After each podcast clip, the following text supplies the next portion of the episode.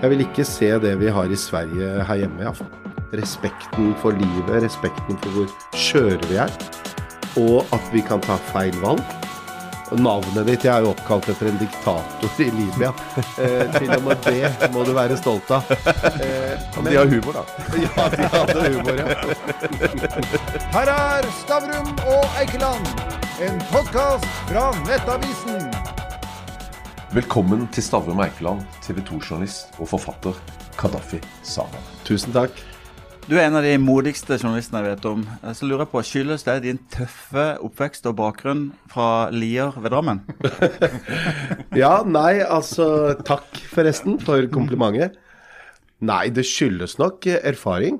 Eh, at man begynte litt i det små. Eh, begynte jo med lokaljournalistikk og på en måte pusha lokalpolitikere.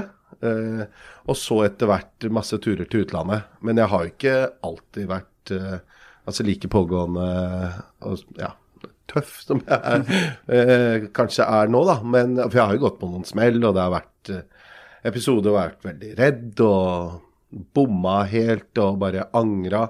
Så det er en lang vei da, fram til på en måte der hvor jeg er i dag, føler jeg. Men i, i boka di så skildrer du jo på en måte ditt journalistiske virke. Du har dekka naturkatastrofer, du har dekka mord og drap og djevelskap. Og, og har opplevd veldig mye. Etter disse årene, hva, hva er det inntrykket som liksom har festa seg mest hos deg? Nei, Det inntrykket som har festa seg mest, er nok eh, død og lidelse. Altså mennesker som ligger eh, strødd som følge av en tsunami. Mennesker som er sprengt i filler som følge av terror. Eh, barn som er i live, men som når jeg møter dem, tenker at disse kommer ikke til å overleve som følge av flom. Eh, Så det er sånne inntrykk man aldri glemmer. Men det er også smerte i eget land, altså 22.07. Å se de eh, pårørende som kom for å leite etter sine kjære på Solihøgda og Sundvolden. Eh, ansiktene deres, de telefonene de fikk eller ikke fikk fra sine barn. Det er også sånne ting man aldri glemmer. Så gjennom åra har det jo vært mange inntrykk. Eh, og på den andre siden så Det som også er igjen, er jo en veldig takknemlighet for at vi bor i et land hvor eh, pressen har ressurser til å reise ut, til å rapportere, hvor redaktørene satser på det. Og hvor vi har pressefrihet, ikke minst. For jeg har jo opplevd eh, den siden òg, eh, spesielt ute i den store verden hvor man får juling og man blir sensurert og overvåka, og det er ikke måte på hva noen stater og regimer gjør for å stanse pressen. Så det er en todeling. Det er Man kommer tilbake med liksom åh, vi, vet du hva, vi er så heldige som bor i dette landet. Samtidig, når vi er det, så må vi vise ting som skjer med norske øyne til norske seere og lesere i en norsk kontekst òg. Men du blir kalt jævla sviker. Jævla muslimfaen. Eh, ofte, faktisk. Og da lurer jeg på hva, hva gjør sånt med deg? Nei, vet du hva, Der og da, når du har et stort kamera retta mot deg, så er du veldig skjerpa. Du har adrenalin i kroppen, og du tenker at eh, nå kan du liksom ikke mm, tenke på noe annet. Tenk kun på jobb. Tenk på livesendinga. Men du får SMS, du får sånn Ja da, jeg får eh, masse eh, Ikke masse, men jeg får en del. Og eh, ja, hva skal jeg si? De fleste får et svar god bedring. Noen som er litt mer truende, eller som ikke gir seg, der prøver jeg å finne ut hvem de er. IP-adresser og sånt. Hvis det er veldig ekstremt og drøyt, så anmelder vi det. Altså at TV 2 anmelder det. Og så har det også vært episoder hvor vi faktisk går på døra eh, til folk. Og det var én som ikke ga seg, som hylla eh, 22.07-terroristen i flere e-poster. Og da tok vi med kamera, ringte på, og det var en 80 år gammel bestemor som åpna døra. Og hun ble vel veldig satt ut da da jeg kom, men eh, det var en eldre dame som da i hvert fall inviterte oss inn, og hun sa hun angra, og det skulle aldri skje igjen. Og det skjedde aldri. Men du lever jo med uh, politibeskyttelse innimellom? Nei, ikke politibeskyttelse, men Nei. det har vært uh, tiltak uh, til tider som Altså, politiet har troppa opp på TV 2 eh, en gang, eller flere ganger, men spesielt den ene gangen så var det veldig, veldig sånn skremmende, fordi de, de kommer til TV 2, og så sier de at de skal snakke med arbeidsgiver og meg, og at de har fanga opp trusler, eh, alvorlige trusler som eh, TV 2 må ta tak i og iverksette tiltak. Og det er jo ikke sånne type trusler hvor du har fått en e-post eller en SMS eller noen har sagt noe stygt på gata. Det var ting som de hadde fanga opp i avlytting. Og det er klart at det er veldig ubehagelig når du ikke vet hvem er de folka, hva har de snakka om, hva har de planlagt. Så det mm, har vært eh, et trusselbilde i mange år. Og det er jo fordi man ser på miljøer eller mennesker som ikke vil ha søkelys. Det kan være kriminelle, gjenger. Det kan være høyreekstremister, det kan være islamister, fremmedkrigere.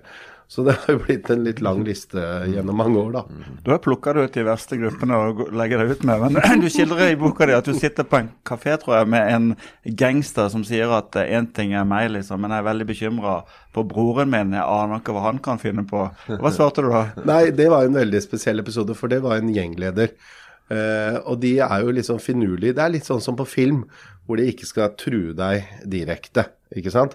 Så vi sitter da på et bakeri rett borti her, for da jobba jeg i VG, i første etasje. Og så tar han kaffe, og vi snakker løst og fast, før han går over på at du, broren min er gæren. Jeg veit at du gjør jobben din, jeg har stor respekt for deg, men han kommer til å finne på et eller annet, og jeg er veldig bekymra for deg. Altså implisitt, slutt å gjøre det du gjør. Og da så jeg han inn i øya og sa at vet du hva, eh, jeg forstår din bekymring godt, du er sikkert en gal bror. Men jeg har også en bror som jeg ikke vet hva kommer til å finne på hvis noe skjer med meg. Og det var jo en sånn fin måte å parere det på, da. Så nei, da, og da fikk jeg ikke noen flere sånne ubehageligheter fra den gjengen. Ja.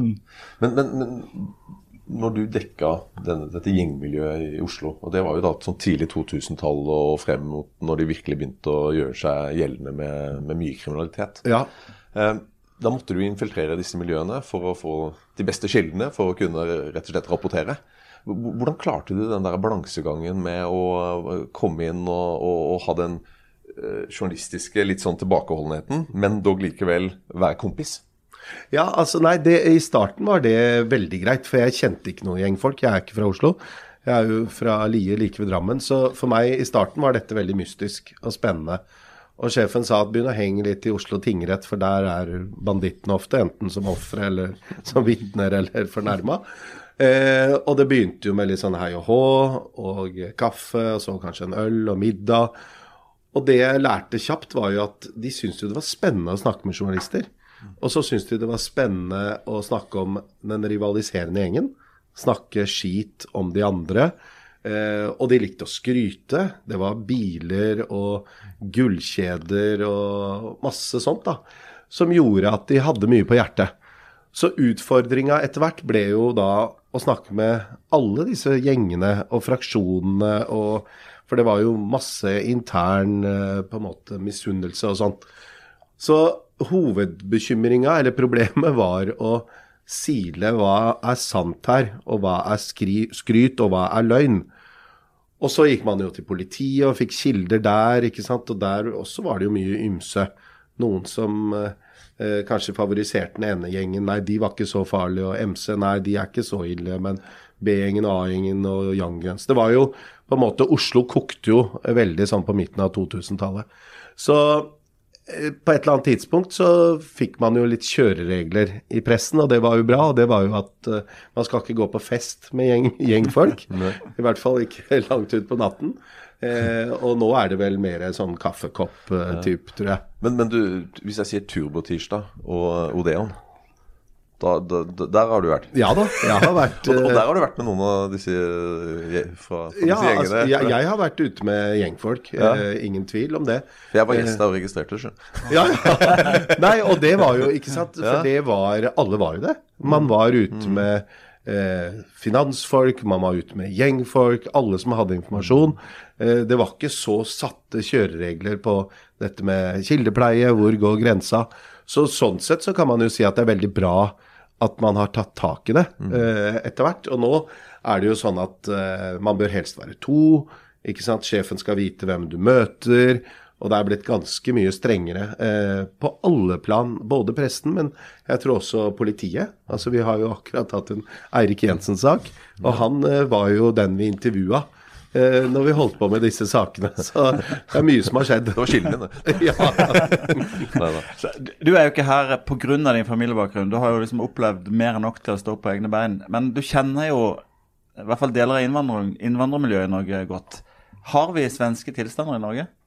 Nei, jeg vil ikke si det. altså. Jeg har jo vært mye i Sverige og dekka kriminalitet. Vært i Rinkeby, Rosengård, vært der på flere drap. eh, Lasermannen. Altså det er en lang, lang liste gjennom mange år. Eh, og det er klart at eh, når vi har vært i Rosengård og Rinkeby, så er det sjokkerende som både journalist og som nordmann og som eh, norsk-pakistaner å se at det er stua inn så mye mennesker på ett sted i eh, sosialboliger, utleieboliger, hvor du ser helt altså utenforskap og et klassedelt samfunn som ikke vi er i nærheten av. Men samtidig så er det jo på en måte Det som er viktig, tenker jeg, at vi aldri kommer dit. Vi må ha en årvåkenhet overfor eh, si tendenser og utvikling som går i den retning. Altså hvis det er økning i ungdomskriminalitet, så må pressen snakke om det, politikerne må snakke om det. Det må ikke være sånn som i Sverige når vi drar dit og dekker et drap, så er det liksom norsk presse som er de mest kritiske på pressekonferansene. Det er ganske absurd. Så jeg føler jo at vi eh, i Norge er mye mer på. Er det Holmlia-gjengen eller Youngbloods som terroriserer et nabolag, så lager man kritiske saker på det. Hva er det i all verden som skjer her? Hvor er foreldra?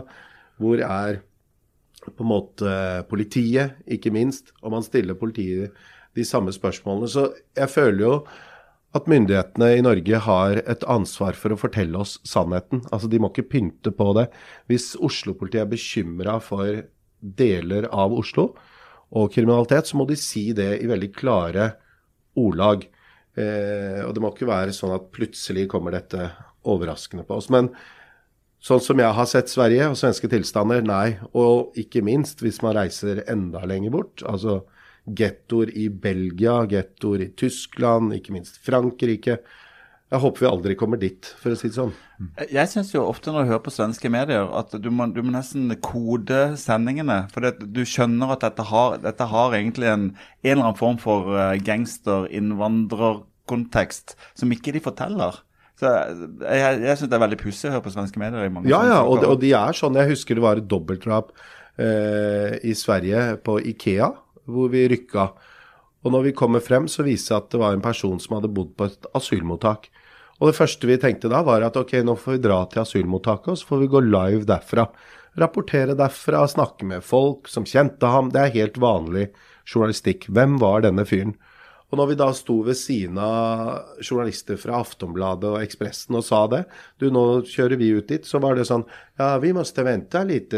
Og bare hæ, skal dere ikke umiddelbart dit? Og det, det som skjedde, var jo at TV 2 Nyhetskanalen var de første som rapporterte fra det asylmottaket. Og sånn eh, kan man jo ikke ha det. ikke sant? At man kommer til et punkt hvor det å være politisk korrekt blir viktigere enn å drive journalistikk. Jo, men, men i, i Sverige så er jo alle uh, for den linjen, om det er på høyresiden eller venstre Altså i hvert fall uh, Ja da, ekstrem høyreside, da. Men, men øh, de fleste er jo for den linja. Så det, det ligger jo i sånn inngrodd i samfunnstankegangen deres, egentlig. Ja, jeg, ja, og jeg føler at vi er ikke der. Jeg syns at norske politikere tar tak i de tøffe diskusjonene. De har vært flinke med å ikke ha områder med for mange si, utleieboliger. Det er en god miks av eh, både selveier og borettslag og alt mulig annet. Som gjør at du ikke kanskje får de ekstreme områdene som jeg har sett når vi har dekka krim og terror i utlandet. Men vi har jo øh, Helt enig, vi er jo ikke så ekstreme områder i Norge ennå. Men, men vi har jo skoler hvor det er nesten 100% innvandrerbakgrunn, eller 100 eh, norsk bakgrunn. altså På, på vestkanten i Oslo så er det jo, er det jo slikt. Altså, så er vi ikke på vei på et eller annet vis? Altså bare Går bare litt tregere? Ja, altså Jeg håper jo ikke det. Jeg håper politikerne på en måte sørger for at vi ikke får en delt by eller delt land eller delte skoler. Eh, personlig er jeg jo veldig glad for at mor og far valgte Lier. Eh, bosatte seg der på 70-tallet, og vi vokste opp med en veldig tokulturell eh, oppvekst med urdu i heimen og norsk ute, og hvor du fikk egentlig begge deler. Og jeg har jo ofte tenkt på det, at hvis jeg hadde bodd i et område hvor jeg snakka urdu hjemme, gikk ut, og alle i klassen snakka også urdu, så ja, det, er- det er en litt sånn eh, ikke fin tanke. Men på den andre siden så har jeg jo venner som har gjort det, da. Som er vokst opp eh, på Stovner, på Holmlia, eh, Romsås, og som har blitt leger og politifolk og ikke sant, fått veldig bra utdannelser og bra jobber. Så det er ikke noe fasit på det her. Men jeg vil ikke se det vi har i Sverige her hjemme, iallfall. Eh, Det som gjør inntrykk på meg i boka di, det, det er på en måte respekten du har for din bakgrunn og din far og mor, egentlig, og hvordan det var å komme til Norge på 70-tallet, og hvor hardt arbeidsinnvandrere fra Pakistan på den tiden jobba på å etablere seg i Norge. Eh, og så skildrer du eh, dagens kanskje til og med tredje generasjon eh, av, eh, av muslimer, for å ta det. Sant? Og så jeg får daglig høre sånn Du må ikke være nyansert i forhold til islam, for den religionen kan ikke, kan ikke reformeres. Det, de er liksom eh, De er samme ulla hele gjengen. Men du skildrer en helt annen tredjegenerasjon enn førstegenerasjon. Kan du utvide Ja. på det? Ja. Jo, altså jeg tenker jo at uh, alle har jo et sånt personlig forhold til dette med religion. Og det er klart at jeg føler nok at jeg har vært heldig som kommer fra en familie hvor man ikke hadde eh, altså det som sitt hovedfokus. Verken mine besteforeldre eller mine foreldre. De var eh, pakistanere mye mer enn de var eh, si muslimer, eh, og ikke noe særlig praktiserende. Så vi, jeg slapp mye av det der i oppveksten. Altså dette med koranundervisning i skoler eller moskeer og sånt. Eh, og altså hijab-press eh, for søster, eller Generelt sett så var det en ganske liberal og fin eh, si norsk oppvekst, hvor vi spilte fotball og søster gikk i korps og sånn. Men det jeg bare tenker av og til, er jo hvis man ikke er stolt av altså den bakgrunnen, så havner man ofte i en spagat. Man blir kulturkollidert, som det ofte kalles. Eh, Man sliter med å ta inn det nye. Jeg føler at eh, i, i Norge så har på en måte med ja, altså den eh, veldig si statsstøtten til moskeene, så har man jo fått imamer som ikke er så eh, ekstreme som jeg har sett i England og andre land. hvor de, Her er det jo sånn at hvis du får penger av staten, så må du jo være litt skjerpa. Og så er det jo sånn at dette er en, en personlig prosess. Ikke sant? Jeg har aldri drukket alkohol foran min far for, av respekt for ham. Men eh, jeg tar jo en fredagspils, og jeg kan neste fredag gå på fredagsbønn. Og et pub for Og har drevet og vi har drevet, og vi har drevet pub som vi ikke hadde peiling på. Og vi bytta fra Ås til Ringnes midt i Åsland. Ja, Hvordan er det mulig? Hvordan er det mulig? Men jeg, liksom, jeg syns jo at uh, noen har jo gått veldig Altså er veldig ekstreme. Og det merker jeg jo ikke som personlig, men i jobben min. Altså som journalist så har jeg jo dekka alle fremmedkrigersakene. Ikke sant? Vi har avslørt hvem som dro til Syria, hvem som ble drept, hvem kom tilbake. Å sitte i Oslo tingrett dag ut og dag inn og hørt de ljuge, bokstavelig talt. For det, det var jo ingen av de som innrømte at de var med i IS. Og for dem bikka det jo over. De er jo også produkt av Norge, produkt av innvandringen til Norge. Akkurat som meg. Eh, litt yngre, kanskje. Og det viser jo at du er, det er jo et potensial der. Ikke sant? At du kan bli ekstrem, du kan tro på Allah, og du hater Norge, og, ikke sant? og du vil dra til Syria og være med i IS. De menneskene fins jo. Og så har du de som eh, bor her i Norge, eh, som lever eh, helt utafor samfunnet, som ikke vil jobbe i en butikk fordi der selges alkohol eller svinekjøtt. Og, men å ta penger fra Nav er helt greit. Altså Det er jo mye sånn eh, rar miks. Og så har du de som på en måte har et avslappa forhold til eh, religion, som tror på ok, tror på en gud, tror på Allah, eh, tar seg en øl, og så er dette en sånn personlig greie. Jeg er jo i den eh, kategorien. Men jeg føler jo at Man må ha rom for alt. Altså Hvis noen vil ha på seg en hijab, vær så god. Men da må det jo være også rom for å ta av seg hijaben, hvis noen vil det. Da skal ikke foreldre eller noen andre si at nei, det får du ikke. Så det med religion er jo veldig sånn personlig, og det er ikke noen fasit her, eh, egentlig. Men jeg føler jo at med IS-fremveksten så var det også et litt sånn tegn i tiden på at man må følge med på disse strømningene. For jeg tror ikke det er de moskeene som får statsstøtten, som er den store skurken der. Men jeg oppfatter deg likevel som ganske optimistisk. Og du har jo støtte i statistikk. Hvis du ser på tredjegenerasjons innvandrere, så er jo på en måte forskjellen på, på den gruppen og, og på en måte folk som har norsk bakgrunn, er, er egentlig ganske lik. Du, du skildrer jo et samfunn hvor det er innvandrere som er leger, advokater, eh, journalister, eh, jobber på Sporveien. Altså, samfunnet vårt det er, på en måte, det er blitt som hva på å si, folk, eh, andre folk. Ja da, og jeg tenker jo at de som kom på 70-tallet var jo pakistanske muslimer, de var tyrkiske muslimer, og de var eh, si marokkanske muslimer. De var opptatt av sine ting, eh, sine hjemland, tjene penger her, sende penger tilbake igjen, bygde moskeer osv. Den generasjonen du har nå, det er jo norske muslimer. Mange av de kan jo ikke arabisk eller urdu eller andre språk. De forstår ikke hva imamen sier. De søker jo kunnskap på nett osv. Og jeg skriver jo det i boka at hvis de muslimske trossamfunnene ikke er flinke til å adressere norske muslimer, altså norske problemstillinger som de står overfor, så vil man jo ende opp med disse moskeene som mange kirkebygg, altså tomme bygg, som bare står der uten at de blir brukt. Og man ser jo allerede en mer bruk av altså internettmullaer, online imamer, alt sånt, som er på internett fordi man ikke får det man trenger i moskeene. Men jeg er veldig optimist, for jeg føler jo at som journalist, når jeg dekka ting i 20 år Jeg har dekka på en måte jenter som ikke fikk lov å gå med bukser. Jenter som ikke fikk lov å reise til Bergen for å studere medisin. Jenter som eh, aldri fikk gå ut på byen. Og nå, i hvert fall store deler, så er det en helt annen trend. Drar man til Polen nå og ser på medisinstudiet, det er så mange jenter med muslimsk bakgrunn. Bergen, Trondheim, ikke noe problem lenger. Bukser er for lengst ikke noe issue. Men så har du jo også nyankomne grupper, ikke sant. Så de utfordringene eller problemene blir jo ikke borte.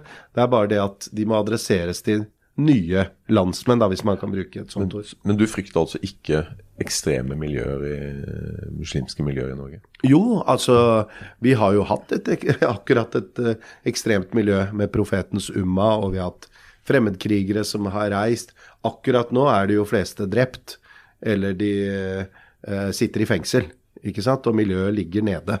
Men det betyr jo ikke at det ikke kan blomstre opp igjen i en ny form.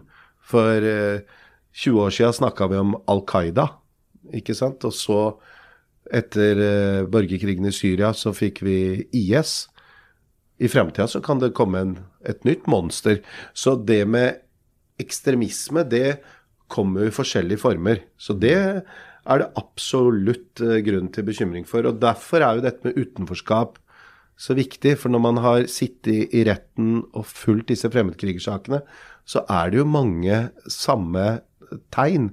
Det er folk utafor arbeidslivet, folk med lav utdanning, rusproblemer, psykiatri, sliter med å få damer.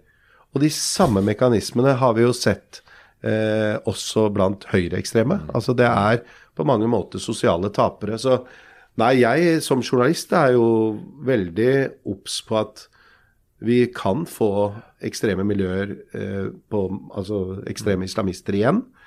Eh, ideologien blir jo ikke borte. Altså Selv om de ikke kjører rundt på Grønland med IS-flagg, så er det jo folk som hyller eh, det greiene eh, på sine gutterom.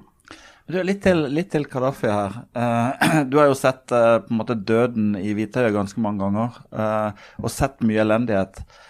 Hvordan tar du vare på det menneskelige i deg sjøl? Hvordan blir du ikke avstumpa og følelsesløs? Ja, nei, det er et godt spørsmål. Man blir jo det der og da blir man jo veldig fokus på jobb, ikke sant. Og så kommer man tilbake på hotellrommet og får kanskje et uh, følelsesutbrudd. Kanskje man gråter litt. Uh, tenker jo i hvert fall på hvor heldige vi er som bor i Norge. For det er en sånn rød tråd i denne boka. Litt sånn takknemligheten for at mor og far valgte riktig land. Så er det jo sånn at noen ganger så klarer man jo ikke den overgangen. Jeg husker jeg skriver i boka at etter tsunamien så fikk vi tilbud om å bo på et sånt luksushotell i Bangkok. Shangri-La. Og da kom vi til østers og hummer og full pakke etter å ha sett lik så langt øyet kan se. Og det klarte jeg ikke. Så da måtte jeg sjekke ut etter en natt og dro til Pakistan.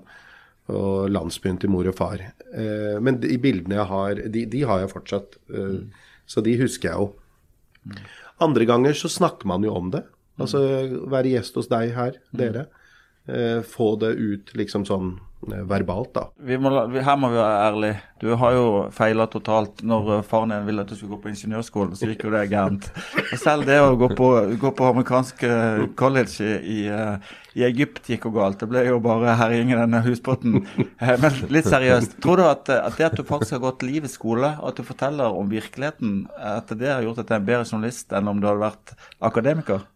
Ja, absolutt. Altså, vet du hva, jeg har gjort så mye både morsomt og mye, mye merkelige greier eh, gjennom åra. Og det har jo gjort eh, at når jeg nå møter folk, f.eks. Eh, i den serien også med Norge bak fasaden, når jeg møter folk, så er det klart at det har jo hjulpet å feila med ingeniørutdanning og dratt til Nederland for å lære fysikk, og du lærte masse om Heineken i stedet. Eh, eller dro til Kairo og denne sinnssyke husbåten, som er en sånn sensurert versjon i boka. Eh, du får jo erfaring for livet, eh, ikke minst lokalpolitikk. Hvor jeg satt i kommunestyret i Lier, prøvde å bli stortingsrepresentant og Ja, alt det der har gitt meg veldig enorm respekt for livet. Jeg har jo også vært innom uh, og jobba på et psykiatrisk sykehus, Blakstad, hvor jeg så si livets skyggeside, hvordan oppegående mennesker plutselig uh, ble lagt inn. Plutselig fikk en depresjon eller en psykose.